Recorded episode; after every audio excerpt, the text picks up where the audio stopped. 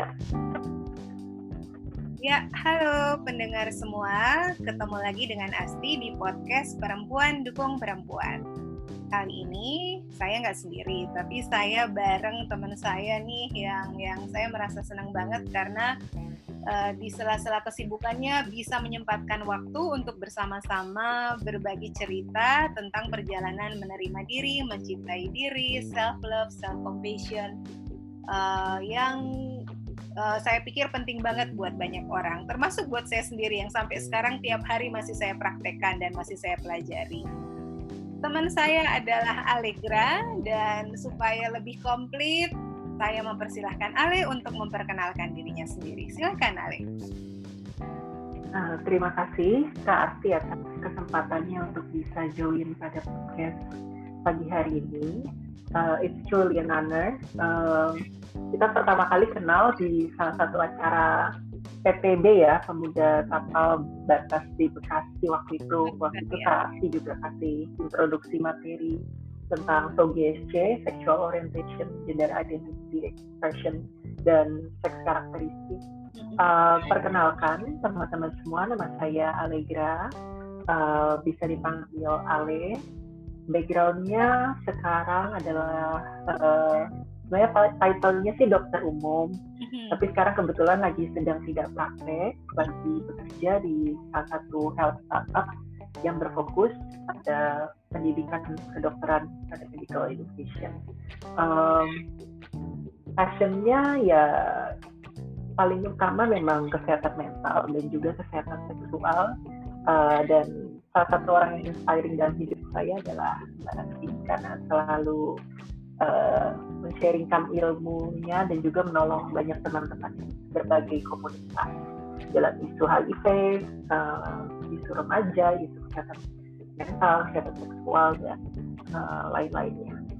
Um, pendidikannya uh, backgroundnya tadi udah jadi do, uh, dokter umum lulus tahun 2018 pernah ada uh, background untuk kerja juga di rumah sakit uh, internship plus puskesmas juga enam bulan selain itu juga pernah ada uh, kerja di salah satu klinik kesehatan seksual di Jakarta tempatnya Bati juga konsultasi. Iya, uh, Ale. Uh, terima kasih sudah memperkenalkan diri. Ale masih sangat muda, tapi juga uh, sudah sangat aktif dan selain sudah menyandang gelar dokter umum, juga sudah punya banyak pengalaman kerja di beberapa tempat.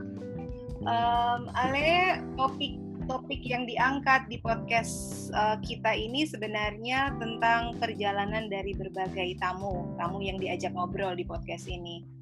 Uh, bagaimana sejak ya. kecil untuk kemudian menerima dan mencintai diri. Satu proses yang nggak banyak orang bahas karena kita selalu diajar untuk fokus pada orang lain, menghargai orang lain, menerima orang lain, menghormati orang lain tapi satu hal yang penting, bagaimana kita juga bisa menerima dan mencintai diri itu kayaknya tidak banyak dibahas ya sehingga orang kadang-kadang gagap dan nggak punya keterampilan atau nggak punya cara bagaimana untuk mengenali dirinya sendiri dan mencintai dirinya sendiri. Uh, kalau saya boleh tanya, Ale, uh, um, ya.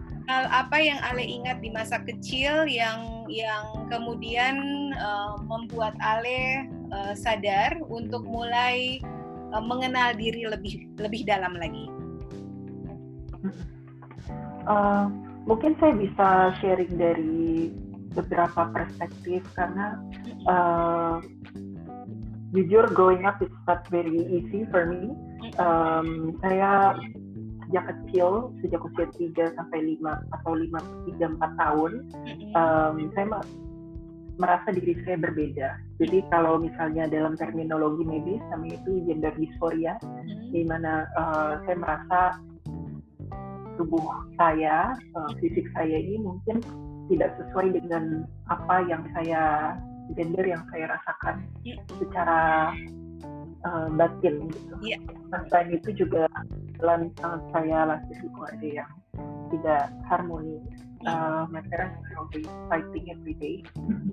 Uh, jadi ada banyak kekosongan lah rasanya yang saya miliki ketika saya kecil. Uh, kok nggak bisa lihat orang tua yang akur, seperti teman-teman saya terus kemudian juga uh, dan berantemnya juga cukup kasar ya maksudnya bukan berantem. Uh, ngomong-ngomong biasa dan itu juga saya had experience of uh, sexual abuse. Uh, yang mungkin ada beberapa experience yang membuat saya cukup tidak nyaman di situ. Jadi uh, self love adalah hal yang cukup sulit untuk saya. Plus bullying juga nggak ketinggalan. Hmm. Kalau kita agak sedikit berbeda, pasti uh, di lingkungan sekolah mungkin anak-anak lain kurang bersahabat, apalagi anak-anak yang kurang tahu ya tentang topik gender gitu. Um, jadi it's a very challenging process for me dan uh, challenge utama saya yang uh, self love tadi mm-hmm. terus kemudian juga set healthy boundaries mm-hmm. and also I have to reparent myself. Mm. jadi uh, karena mungkin salah satu hal yang saya rasakan growing up itu adalah uh, saya merasa kadang orang tua saya tidak 100% kompeten in parenting.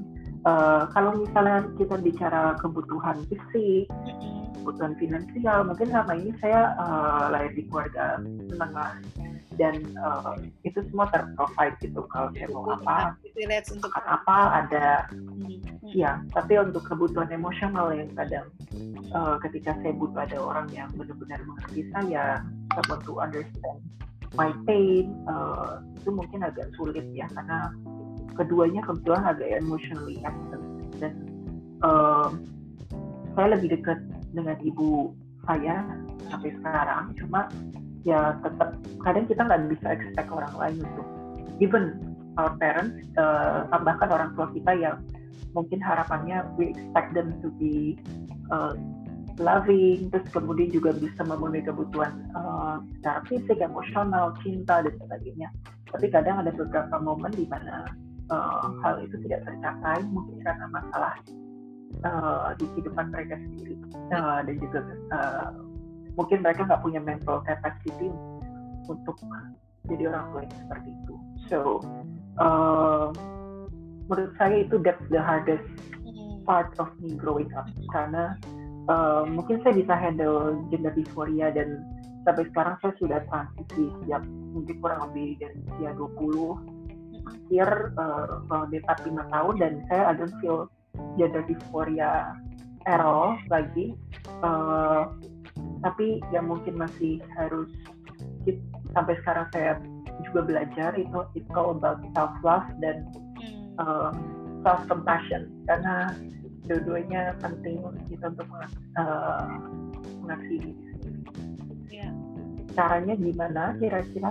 Uh, mungkin itu semua proses ya karena um, kadang kalau kita dari usia kecil um, apalagi kalau ada pengalaman yang kurang mengenakan bisa trauma atau bullying abuse uh, kadang juga kita merasa kurang berharga. Dan uh, di sekolah kita kan gak diajarin untuk bagaimana kita bisa mencintai diri sendiri. Um, tapi kita mulai misalnya hal simpelnya mungkin Basti nanti bisa kasih sharing atau masukan juga. Um, kita bisa listing melihat hal yang positif dari diri kita uh, dan kita coba kembangkan dari situ. Kadang uh, kalau misalnya manusia pasti nggak ada yang sempurna ya pasti ada uh, aku nggak mau bilang plus minus karena dua-duanya menurutku it's yes. part of negatif it's part of life karena nggak ada yang kita manusia. uh, bagus-bagus betul bagus-bagus semua gitu. Tapi yang uh, pasti uh, it took me like maybe uh, sejak saya usia dewa, menjelang dewasa lah ya dari adolescent ke dewasa itu mulai jadinya belajar untuk mindful gitu. Uh, untuk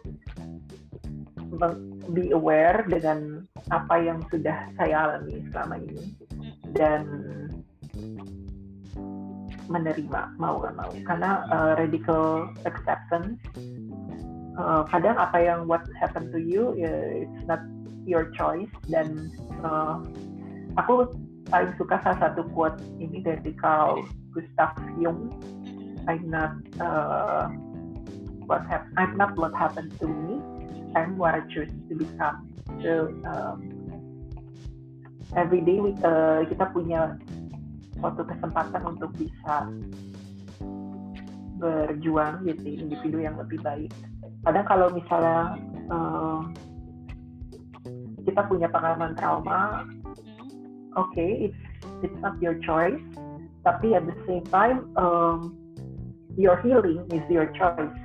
Karena uh, kalau misalnya kita kita memang nggak nggak mengharapkan untuk dapat pengalaman-pengalaman yang buruk ya dalam hidup. Tapi bagaimana kita bisa uh, healing bagaimana kita bisa thriving dan juga menjadi individu yang lebih resilient dan adaptable itu it's up to us dengan berbagai cara uh, yang bisa kita lakukan. Ale, terima kasih banyak. Sebelum lanjut, saya pengen banget acknowledge bahwa um, Ale sangat berani karena um, saya tahu segala macam yang Ale ceritakan tadi, meskipun sekarang Ale sudah sangat cope dengan baik, tapi pasti ada cerita-cerita dan proses-proses yang sangat up and down, bahkan seperti roller coaster di masa lalu ya. Jadi uh, punya gender dysphoria di masa itu um, um, dengan support system yang masih terbatas, uh, lalu kemudian menjadi sangat berbeda di di sekolah, di lingkungan uh, luar, tentu bukan hal yang mudah ya. Jadi melihat Ale sekarang saya sangat bangga dan saya sangat sangat senang. Uh, Ale adalah bukti bahwa kita bisa bisa resili bisa mengembangkan resiliensi gitu dan dan sebenarnya salah satu tujuan podcast ini adalah membantu mereka yang tidak punya resources di luar sana, tapi kemudian punya isu-isu yang kurang lebih sama, um, um, yeah. siapa pun itu ya, perempuan biologis, perempuan sosial, uh, apa pun um, orientasi seksualnya, um, saya pikir sesama perempuan kita punya banyak hal yang yang yang justru kita bisa saling bantu dan saling dukung dengan bercerita seperti ini. Dan melihat Ale di depanku karena ini podcast ini direkam dengan pakai video call, uh, sungguh merupakan sebuah inspirasi sendiri dan dan bikin aku semakin yakin bahwa sebenarnya kita juga bisa memupuk dan mengembangkan resiliensi. Ale mungkin di masa itu nggak terlalu punya banyak dukungan, tapi kita bisa menciptakan juga kan uh, uh, apa ya. Sistem antara perempuan. Tadi menarik sekali Betul. waktu dia bilang langkah pertama salah satunya adalah menerima ya, uh, secara radikal menerima tentang apa yang ada pada diri kita Nah, secara aktif Ale mulai melakukan itu di di di masa-masa apa Ale kalau masih ingat? Uh, sebetulnya semuanya proses. Tadi menarik juga uh, Mbak Asti menyebutkan memang resource-nya sangat terbatas hmm. uh, dalam pengembangan diri, apalagi ketika di usia anak-anak ya. Kalau dibilang 100% hmm. move on dari semua trauma itu, saya rasa uh, saya nggak akan move on karena itu part of uh, my life and part of who I am dan uh, sampai sekarang kalau misalnya uh, saya pikir juga aduh kenapa gue harus gue yang mana uh, mengalami semua hal ini? Tapi kalau dipikir-pikir lagi ya uh, that's what happened dan kita juga nggak pilih hal itu. Terjadi tapi at the same time ya kita bisa meri, uh, memprogram kembali pola pikir kita dan juga uh, cara kita beradaptasi dan uh, yang paling penting ya memang tadi uh, tahapnya uh, untuk penerimaan itu memang tidak mudah ya karena memang uh, prosesnya pasti dari usia kecil karena uh, waktu usia kecil juga saya, saya ingat uh, kurang lebih kelas 3 SD saya mulai dibully karena uh, saya sedikit lebih lembut gitu daripada anak-anak uh, laki-laki lainnya pada saat itu. Dan uh, saya ingat bahkan orang yang pertama kali ngapain saya dengan kata BA MCI uh, namanya juga saya ingat saya juga ingat penampakannya waktu itu. Uh, ya itu cukup berat ya karena waktu SD terus gak punya teman. Uh, benar-benar gak punya teman. Uh, kalau misalnya kerja kelompok juga susah. Yeah. terus tadi itu juga um, di rumah juga orang tua berantem terus. Dan selalu tuh uh, pertengkaran itu selalu aku dijadikan sebagai tameng. Uh, jadi nggak sehat juga ya. Uh, karena jujur kalau bisa dengar dari cerita mereka uh, ya aku sama saya sama kakak saya itu beda abang saya beda tujuh tahun dan memang nggak expected to be born tapi di keep dengan harapan bisa uh, marriage-nya bisa survive pada sebetulnya that's a very wrong thing to do. Karena nggak uh, ada anak yang mau punya tanggung jawab sebesar itu iya. uh, seolah-olah uh, membenar, uh, membetulkan masalah yang dihadapi oleh orang tuanya gitu.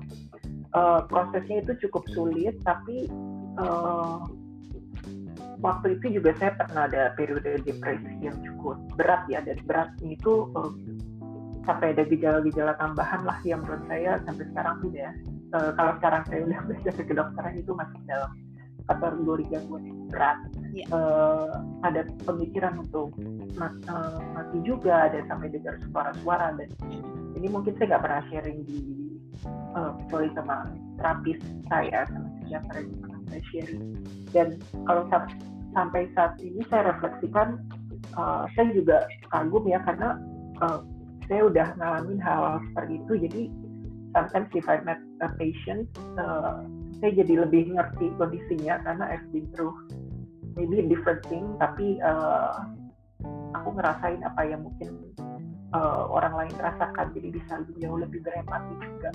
Yang pasti yang paling penting untuk bagaimana kita uh, menerima diri yang pasti lihat be mindful ke diri kita sendiri dan itu proses. Karena seiring perkembangan waktu kalau mungkin masa anak-anak itu agak sulit. Tapi kalau misalnya kita udah dewasa uh, sehat uh, secara fisik maksudnya uh, tidak ada gangguan kurang IQ dan sebagainya mungkin kita bisa punya fungsi otak yang jauh lebih baik itu dari terutama dari prefrontal cortex uh, di mana kita bisa uh, belajar untuk memprogram diri sendiri uh, dari pengalaman itu bisa dengan bantuan terapis kalau atau uh, psikiater psikolog uh, yang pastinya cocok-cocokan juga ya kalau milih mental health uh, profesional. Uh, dan itu juga kita bisa self terapi juga. Yang mbak lakukan selama ini misalnya yang relaksasi, meditasi, dengan teknik-teknik ini sebenarnya banyak dan semuanya bisa dicari di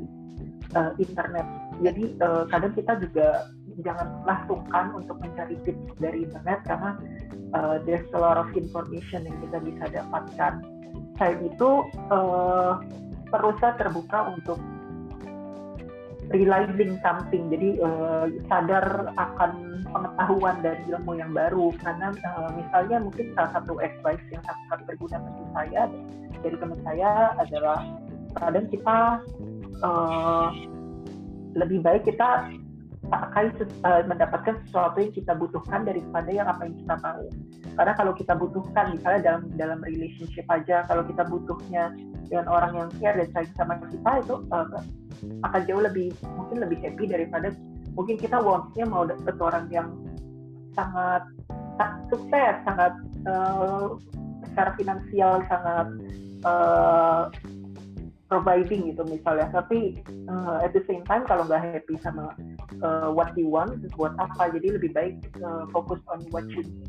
Dan selain itu juga uh, mungkin banyak sekali pengalaman saya ketika saya kecil uh, mungkin orang tua menurut saya sih nggak bukan yang mereka nggak mau membantu saya tapi mungkin ada beberapa poin yang tidak terpenuhi. And uh, I think realizing that mereka juga kita mesti sadar bahwa orang tua kita ataupun orang-orang di sekitar kita juga tidak sempurna dan kita nggak bisa uh, jatuhkan ekspektasi kita kepada mereka untuk bisa memenuhi semua, semua kebutuhan fisik atau uh, ataupun emosional yang kita butuhkan uh, di situ. Jadi kita juga nggak bisa expect juga ke mereka dan kadang hal-hal uh, positif itu juga bisa kita dapatkan dari orang lain selain dari orang tua kita. Misalnya, um, saya ingat guru les saya waktu saya SD kelas 6, itu kan mau ujian akhir tuh.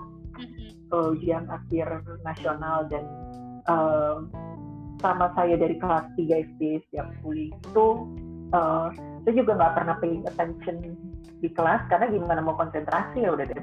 Yeah. berat terus habis itu duduknya juga di belakang. Jadi saya lebih banyak larinya ke art gitu. Jadi lebih banyak lukis waktu itu yang really help uh, dan uh, tapi pas kelas 6 SD itu saya ngerasa uh, kok kalau saya belajar saya bisa dapat nilai yang jauh lebih baik daripada orang yang uh, ranking nomor satu. Dan lumayan anak-anak kecil tuh lumayan ganas juga ya karena waktu itu anak yang ranking kelas satu dia marah-marah ke gurunya eh, ke guru saya kalau kenapa nilai saya lebih, lebih saya lebih tinggi daripada yang pada uh, lumayan juga ya kalau ke, uh, anak kecil dia bisa iri karena makanya orang tua sebenarnya nggak iya uh, kadang orang tua juga perlu lihat uh, kalau anak kecil tuh nggak mungkin nggak se innocent itu justru uh, kita mesti lebih uh, jeli sama perilaku perilaku mereka untuk bisa tahu kira-kira apa nih hal yang bisa kita uh, kasih masukan atau fix gitu. Nah, uh, dan saya ingat paling penting itu kelas 6 SD guru saya bilang kamu juga bisa loh uh, seperti anak yang lain gitu bisa nilainya bagus. Dan itu tuh padahal kata-kata itu simple padahal uh, maksudnya kalau kita dengar ya ya emang saya bisa seperti anak atau seperti orang lain gitu. Tapi pada saat itu saya dengar itu itu kayak ada ini ada bola-bola di kepala saya bahwa maybe I can do this. Jadi kayak ya udah saya nggak nggak nggak lukis-lukis lagi fokus belajar dan uh, aku ingat rankingnya waktu itu ranking 30-an terus terakhir lulus itu ranking 10 atau 11 dan itu itu huge achievement uh, anak SD gitu dan kondisi berat waktu itu. Ketika masuk uh, SMP SMA juga jadinya saya lebih uh, mengarahkan diri untuk coba fokus ke akademis dan uh, lumayan juga bisa masuk uh, tiga besar lima besar. Dan itu yang saya nggak nyangka dari uh, saya kecil bahwa saya bisa. Uh, jadi uh, selalu buka diri untuk bisa percaya sama orang lain meskipun itu bukan orang tua nggak apa-apa. Uh, misalnya teman ataupun in my case itu ada guru les dan guru BK juga yang saya sering datang. Mungkin uh, waktu itu nggak saya beberapa kali dibawa ke psikolog. Uh, psikiater saya nggak ingat tapi waktu itu mama saya ngiranya anaknya autis uh, karena diem aja padahal kayaknya autis tapi tidak seperti itu. Anaknya badan depresi berat. Dia sendiri juga nggak sadar gitu mungkin karena punya masalahnya gitu. Betul. dan uh, dan yang dilihat ya fokusnya waktu itu ke gender dysphoria-nya aja iya. pada ada hal-hal lain yang perlu sebetulnya di workout. Dan jadinya ya konselor saya adalah guru BK dan uh, beruntungnya kalau SD mungkin guru BK-nya sangat kurang ya sangat kurang. Memang ada kurang baik kalau uh, SMP jarang-jarang karena uh, saya beruntung banget SMP ketemu beberapa teman yang cukup suportif dan karena pergaulannya juga jauh lebih luas saya ketemu teman-teman lain yang mungkin ekspresinya misalnya uh, ada yang jauh lebih, lebih ngondek gitu daripada saya kurang lebih. Jadi uh, dan teman-temannya juga udah mulai interest ke apa waktu itu Friendster fashion jadi kayak uh, happy juga. Gitu saya SMA masuk.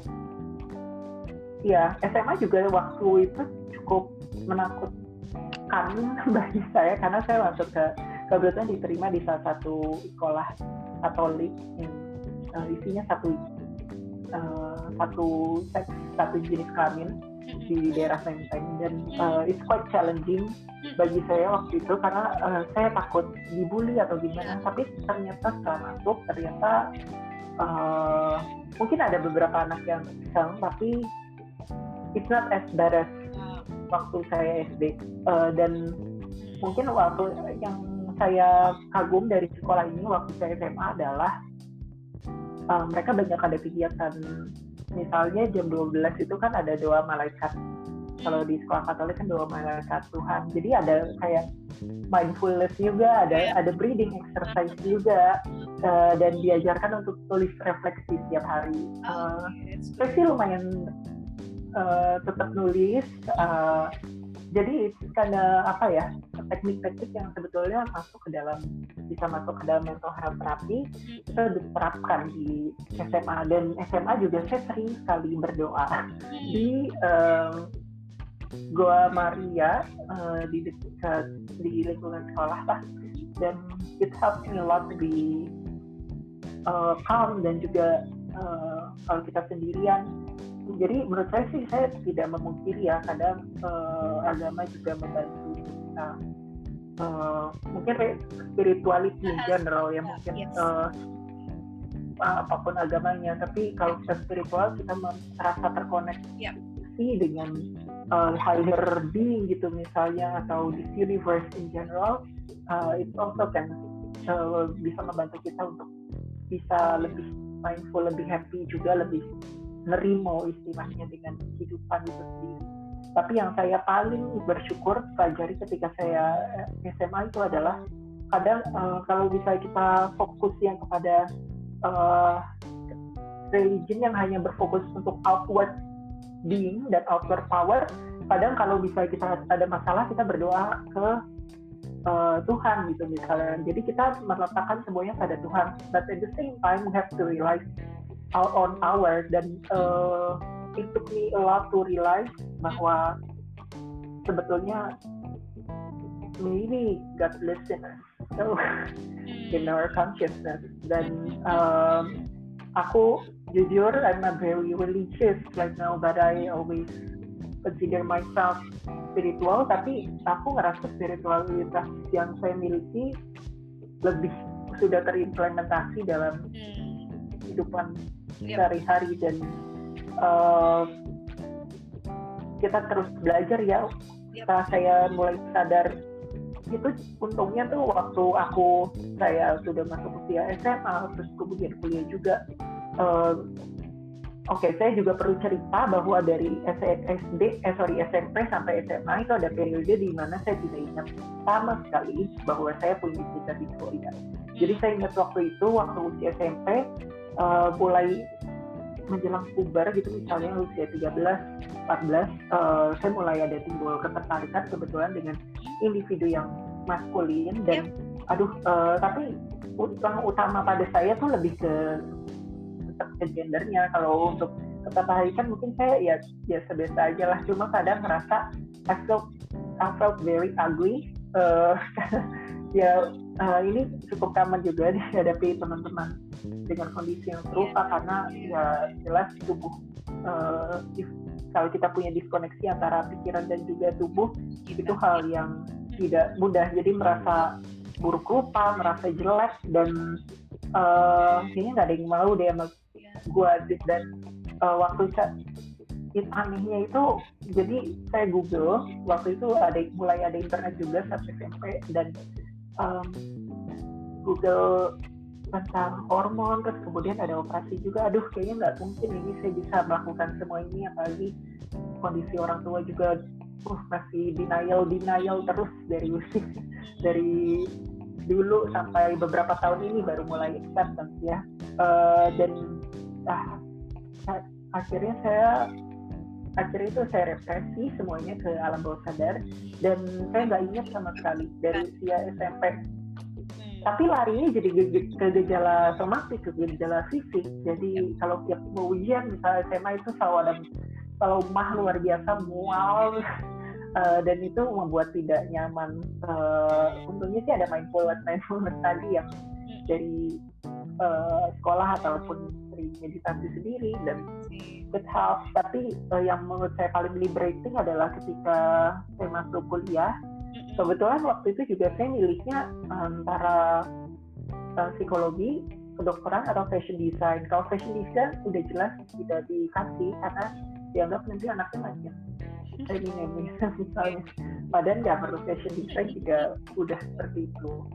Psikologi karena mungkin saya terattract the idea of helping other people tapi sebetulnya juga helping myself karena uh, gimana ya kayaknya yang kesehatan mental adalah salah satu bagian yang paling besar dalam hidup saya dan uh, mengovercome trauma segala macam itu it's part of who I am dan kalau sekarang sih saya punya mindset dong kalau bisa saya bisa bantu orang lain uh, jauh lebih baik iya saya akan lakukan. Tapi kembali lagi nah kita juga mesti lihat boundaries kita karena setelah kita realize realize kita udah mindful kita udah know what we want and what we need terus udah self care-nya juga udah bagus sudah bisa self love self compassion ya kita perlu salah satu hal penting di dalamnya adalah set boundaries untuk apa yang bisa kita lakukan ke orang lain.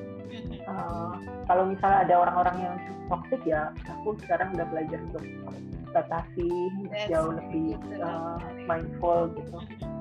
Ya, Ale, um, ada banyak sekali hal penting dan powerful yang sebenarnya Ale sampaikan. Bahkan di hal yang saya pikir saya akan bikin episode khusus untuk itu, yaitu soal parenting.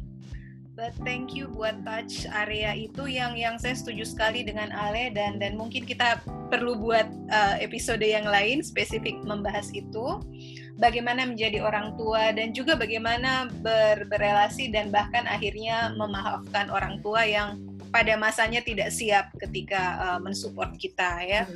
Uh, tapi ada satu hal yang sangat konsisten yang Ale sebutkan dari tadi yaitu proses menerima yang adalah proses itu sendiri yang yang artinya terus menerus harus dilakukan secara sadar. Lalu kemudian Betul. tentang tentang praktek-praktek uh, uh, mindful yang kemudian sangat menolong banyak hal. Dan poin yang paling penting terakhir tadi adalah soal bagaimana um, at the end of the day kita nggak bisa melakukan semuanya, nggak bisa menyenangkan semua orang juga. Dan memang ada orang-orang yang toksik yang memang mau nggak mau kita harus tinggalkan dan berani untuk menciptakan batasan itu. Saya pikir banyak sekali uh, um, pelajaran maupun refleksi yang bagus banget uh, yang bukan cuma tentang Ale sebenarnya, tapi saya yakin uh, mewakili banyak orang. Saya juga bisa resonate tadi soal um, hidup dengan mental health karena saya juga pernah seperti Ale hidup dengan depresi, depresi berat. Dan dan itu justru mengajarkan saya banyak hal. Jadi saya melihat itu sebagai sebuah kekuatan dan bagian dari hidup saya. Sama seperti Ale bilang itu bagian dari saya. Saya nggak pernah uh, bisa lupakan dia sudah kita nggak akan pernah move on uh, melepas itu tapi melepas dalam arti tidak lagi terikat namun kita menghormati kenyataan bahwa kita pernah hidup dengan itu. Nah, terima kasih banyak Ale. Um, ada satu menit sebelum kita closing, adakah pesan-pesan yang Ale ingin sampaikan pada pendengar podcast Perempuan Dukung Perempuan di luar sana? Silahkan Ale. Iya, uh, mungkin salah satu yang aku ingat dari uh, Mbak Asti baru saja disampaikan juga beberapa menit sebelumnya adalah uh, kita harusnya tidak membatasi diri kita ataupun membatasi uh, ide, orang lain dari persepsi kita. Jadi uh, you can do anything that mm-hmm. you oh. want. Uh, dan yang set boundary sebetulnya ya diri kita sendiri. Kadang kalau uh, misalnya kita lihat, misalnya aku ingat Helen Keller mungkin kadang kalau orang lain lihat uh, netra dan juga tunarungu itu hal yang tidak mudah ya. Bila tidak salah itu uh, yang dimiliki Helen Keller, uh, tapi at the same time uh, ya kita nggak bisa melimit kemampuan dia karena uh, kalau kita lihat karyanya luar biasa. Dan, uh, mungkin kalau kita lihat uh, orang lain ya dan juga diri sendiri kita nggak bisa uh, kita selalu membuka hati dan juga pikiran untuk radically accept ourselves, radically accept others, dan don't limit yourself dan juga kemampuan kita untuk yeah. Ya. uh, thriving, untuk healing jadi individu yang jauh lebih baik. Terima kasih Ale, ini powerful banget seperti yang dibilang oleh guru BK atau gurunya Ale waktu itu Ale bisa jadi apa pun yang diinginkan hal yang powerful ini yang juga Ale uh, resonansikan ke semua orang yang lagi dengerin ini. Makasih Ale kita sudah sampai di penghujung podcast kita. Thank you sudah barengan saya ngobrol-ngobrol yang sangat inspiring ini. Looking forward buat another session dan sukses buat Ale dengan aktivismenya, pekerjaannya yang di usia muda tapi sudah ke mana-mana. Ya, sukses terus buatmu dan dan mari kita terus saling dukung ya Ale, sesama perempuan. Iya. Ya, bye Ale. Berarti kita foto di akhir atau enggak? Okay.